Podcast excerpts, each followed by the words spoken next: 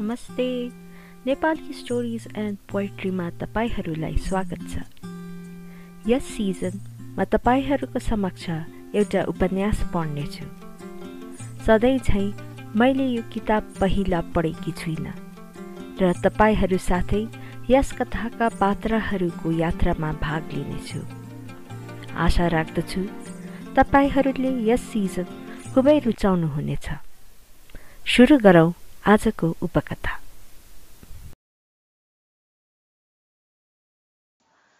दुई आँसु एक मुस्कान। लेखक श्री प्रकाश कोविद भेट नानालाई। मोती दिएर आँसु बटुले हार भएन जित हाँगाबाट खसेको फुलले भुल्न सकेन प्रीत। आज दार्जिलिङको डिसी अफिसमा लेडी टाइपिस्ट क्लर्कको इन्टरभ्यू दिन। प्राय एक सय भन्दा ज्यादै युवती आइमाईहरूको भिड लागेको छ। टाइपको इन्टरभ्यूको रिजल्ट नोटिस बोर्डमा टाँसिएको थियो। सर्वप्रथम भएकी थिए कालिम्पोङबाट आएकी उम्मेद्वार राधा। आज जेनरल नलेजको मात्र परीक्षा लिइन्छ। दरखास्त पत्रको संख्या अनुसार पिउनले पालै पालो उम्मेद्वारहरूलाई बोलाउँदै थियो। राधाको संख्या चौबिसवा थियो। राधा पर एक कुनामा बसेर आफ्नो नम्बरको प्रतीक्षामा थिए। एउटी फ्रक लगाएकी युवतीले आफ्नो साथीलाई भनी राधाको होली नि? साथी बोली म पनि त चिन्दिन। तर यो पोस्ट त स्योर उसैको हो। टाइपमा सबभन्दा फर्स्ट फेरि सर्ट ह्यान्डमा पनि भयङ्कर छ अरे। युवती बोली पढाइमा पनि त बिए पास रहेछ? साथीले भनी त्यही आफ्नो आफ्नो लक हो। त्यही बेला हो हल्ला भयो। डिसी गयो डिसी गयो। अनि कसले इन्टरभ्यू लिने रहेछ? फर्स्ट क्लास म्याजिस्ट्रेट जीवनले। राधा झस्की। उसको पालो आउनै लागेको थियो। उसले सुस्त सुस्त गतिले गएर झ्यालबाट भित्र म्याजिस्ट्रेटलाई चियो गरी। उसको खुन चिसो भयो। जमिनमा आफू गाडिन लागेको उसले महसुस गरी। गत विगतका कतिपय सपना विपनाहरूले राधालाई खुसी पनि बनायो विस्मात पनि बनायो। बिसौँ नम्बरको इन्टरभ्यू हुँदै थियो। राधाले हतार हतार छेउकी एउटी बहिनीसित कागत मागेर केही लेखी र फेरि आफ्नो पालोको प्रतीक्षा गर्न लागि। पिउन करायो राधा देवी आउनु पर्यो राधा देवी हो हल्ला फिजियो। को होली नि राधा? राधा देवी आउनुहोस्। तपाईँको पालो आयो। राधा बिस्तार बिस्तार अघि बढी। सबैले बाटो छोडिदिए। उम्मेद्वार बीच कानी खुसी चल्न लाग्यो। पोस्ट त स्योर राधाको हो। पर्सनालिटी पनि त असल रहेछ। राधा ढोकामा पुगी। पिउन बोल्यो भित्रै पाल्नुहोस्।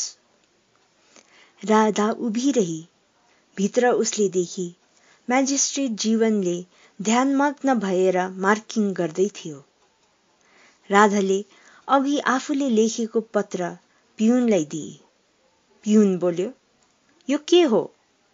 बोली राधा त्यागपत्र म इन्टरभ्यूमा बस्न चाहदिन मलाई नोकरी चाहिएन। अनि राधा द्रुत गतिले सिँढीबाट कुदेर कचरीबाट निस्की।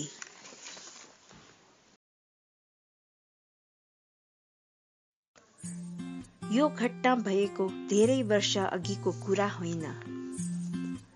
तिमी दुई कुकुर र बिरालो जस्तो बाजी मात्रै रहन्छौ कि खानापिना खाएर कलेज हिँड्छौ?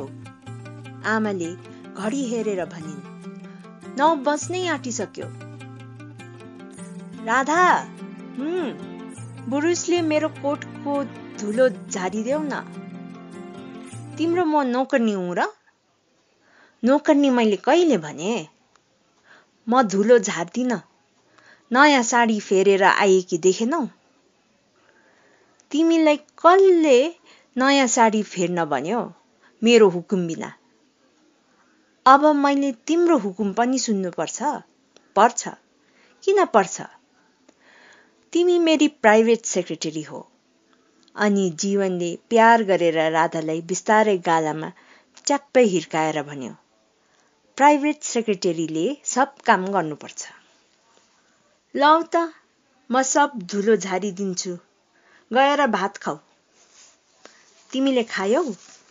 मैले खाएको नखाएको हेर विचार गर्ने मेरो मालिक? हजुर मैले खाएँ। आफ्ना काजलयुक्त काला काला नयनले हेरेर मुसुक्क हाँसेर राधा बोली हजुरको सेवा गर्नलाई नै मैले छिट्टो खान पर्छ। Base base. राधा भन जीवन ब्रसले कोटको मैला झारिदिँदै विवल भएर बोली राधा भन जीवन अरू काम के के छ? आजको पिरियडका किताबहरू ती मैले अघि नै ठिक गरिदिएकी छु। तिम्रा गुणहरू म भुल्दिनँ। अरे कृतज्ञता प्रकट गर्ने सुबान कहिलेदेखि सिक्यौ? भान्सा कोठाबाट आमा कराइन्। भात पस्के है दुवै आऊ। आमा मलाई नपस्कनुहोस् राधाले जवाब दिए। मैले खाएरै आएकी छु। म पनि खान्न। ठुस्किएको जस्तो गरेर बोले जीवन। मलाई भोक लागेको छैन। लागेको छ। छैन। भने नि खान्न। घुँडा टेकी हात जोडेर राधाले अति प्यार भरी स्वरमा भनी मेरो मालिक कृपा गरी भात खाइदिनुहोस्। अब पाँच पिरियड पढ्नुपर्छ। एउटा शर्तमा खान्छु। कस्तो शर्त? मेरो सेक्रेटेरीले चम्चीले मलाई भात खुवाइदिनुपर्छ। तिमी नाबालक हौ बोली राधा। आमाले के भन्लिन्? आमाले सानो हुँदा मलाई चपाएर खुवाइदिनुहुन्थ्यो। मैले केही भन्दिन थिएँ त्यसै कारण आज तिमीले चम्चीले खुवाइदिँदा उहाँले मलाई केही भन्नुहुन्न। आमा राधाले सम्बोधन गरी भन राधा मैले जीवनलाई चम्चीले भात खुवाइदिनु अरे। त्यसलाई कुरी कुरी लाग्दैन अरे। जीवन बोल्यो झट्ट। होइन आमा राधाले पो चम्चीले खुवाइदिन्छु भन्दैछ। आमा राधापट्टि लागिन्। भात खान पनि तँलाई बोलाइरहनु पर्छ भने चम्चीले खुवाइदिनु पनि त पर्ला। मरी हाँसी राधा। अब कसको जित? म हारे। जीवनले कान समातेर भन्यो भयो त म आफै खान्छु। होइन म चबाएर खुवाइदिन्छु। तिम्रो जुठो कसले खान्छ? ए मैले बिर्सेछु। तपाईँ त मेरो मालिक पो नि म प्राइभेट सेक्रेटरी। अब आयो त रास्तेमे साढे नौ भयो है आमा कराइन्। छिट्टो गर कलेज ढिलो हुन्छ। जीवन भान्सामा बस्यो। राधा कोठामा एक्लै छ। कतिपय रङ्गीन विचारधाराहरू श्रृङ्खलाबद्ध भएर उसका हृदय र मस्तिष्कमा हातेमालो गर्छन्। जीवन मेरो को हो? हदसे ज्यादा ऊ मेरो कलेजको सहपाठी मात्र त हो। यहाँदेखि ज्यादा सम्बन्ध नै अरू के हुन सक्छ? तर मैले जीवनलाई किन विशेष महत्व दिइरहेछु? उसका प्रत्येक लुगाफाटा किताब इत्यादिको देखभाल उसका वरिपरि छाया झैँ लिप्टेकी छु म। किन? होस् भोलिदेखि म यहाँ आउँदिन। तर फेरि किन नआई पनि सक्दिन? जीवनमा कस्तो आक्रमण छ? कस्तो विशेषता छ? जसको सामु मेरा सब भावना सब प्रबल इच्छा सङ्कल्प उद्देश्य एक एक गरेर झुक्छन्। राधा झस्किन्छे। सामु जीवन हुन्छ। जीवनलाई कोट लगाइदिँदै राधा बोल्छे जीवन? भन जीवन? भन न। भोलिदेखि म तिम्रो घरमा आउँदिन। तिमीलाई कसले आऊ भनेको छ अरे? साँच्ची भनेको जीवन। मैले पनि साँच्ची नै भनेको आफूपट्टि फर्केपछि राधाले गम्भीर मलिन मुद्राले जीवनलाई हेरेर भनी जीवन अबदेखि म यहाँ आउँदिन भने कि बुझेनौ? मैले ज्यादा काम अडाए भनेर? मलाई तिम्रो सेवा गर्न मनपर्छ तर अबदेखि मलाई तिम्रो सेवाको जरुरत छैन। म नआउनु आउनु तर मेरो सेवा नगर्नु। अन्त के गर्नु? दिनभरि बसेर मसँग बाजी रहनु बाजेको मनपर्छ तिमीलाई? अरूसँग होइन तिमीसँग। आमा कराइन्। लौ फेरि तिमी दुईजना बाज्न थाल्यौ? कलेज कति बेला पुग्छौ?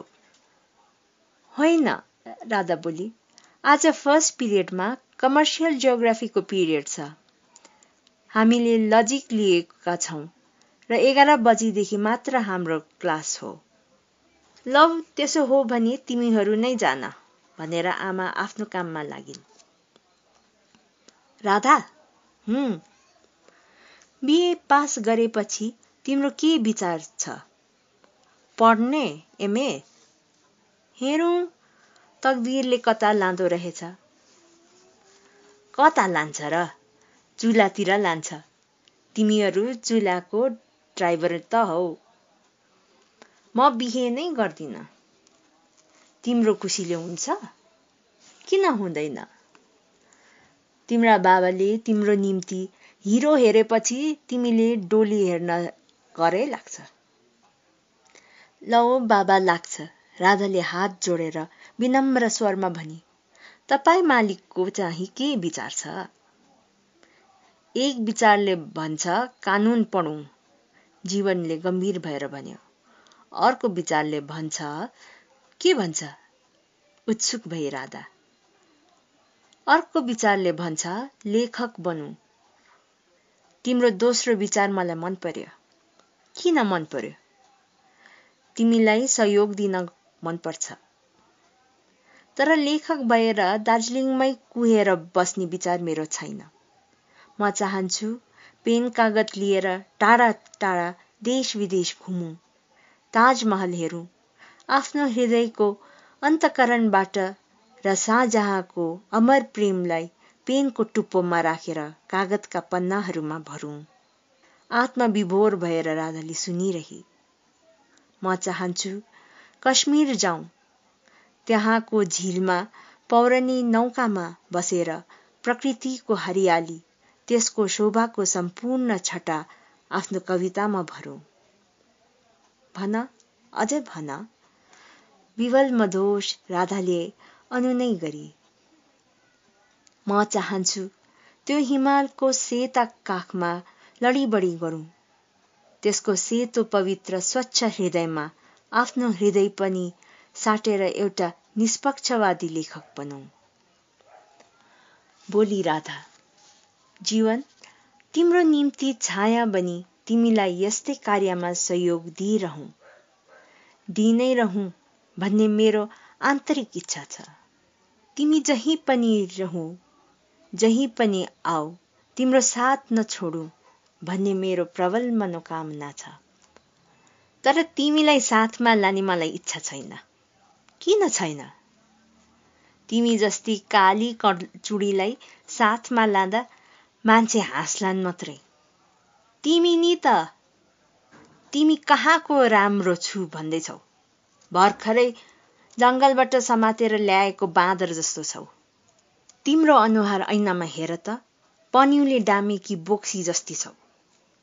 खुट्टा बजारेर किताब च्यापी क्रोधित भई बाहिर निस्कन्दा राधाले भनी मरे पनि अब तिम्रो घरमा पाइला टिक्दिन।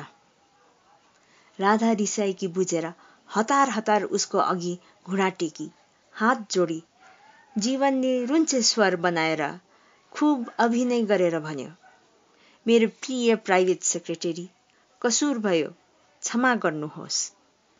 मरेपछि त को पो आउँछ र? तर जिउँदो हुइन्जेलसम्म तपाईँको दर्शन पाइरहँ। मेरो यति दरखास्त मन्जुर गरिदिनुहोस्। मुसुक्क हाँसेर बोली राधा अबदेखि खल्ता गर्ने कि नगर्ने? कान समातेर जीवन बोल्यो एकदम गर्दिन। जताभावी बोल्ने कि नबोल्ने एकदम बोल्दिन। लाटो हुन्छु बरु। ती युगल मरिमरि हाँसे। भान्सा कोठाको झ्यालबाट आमाले हेरिरहेकी थिइन्। मनमा नै सम्झिन् कति सुखी जीवन यी दुईको?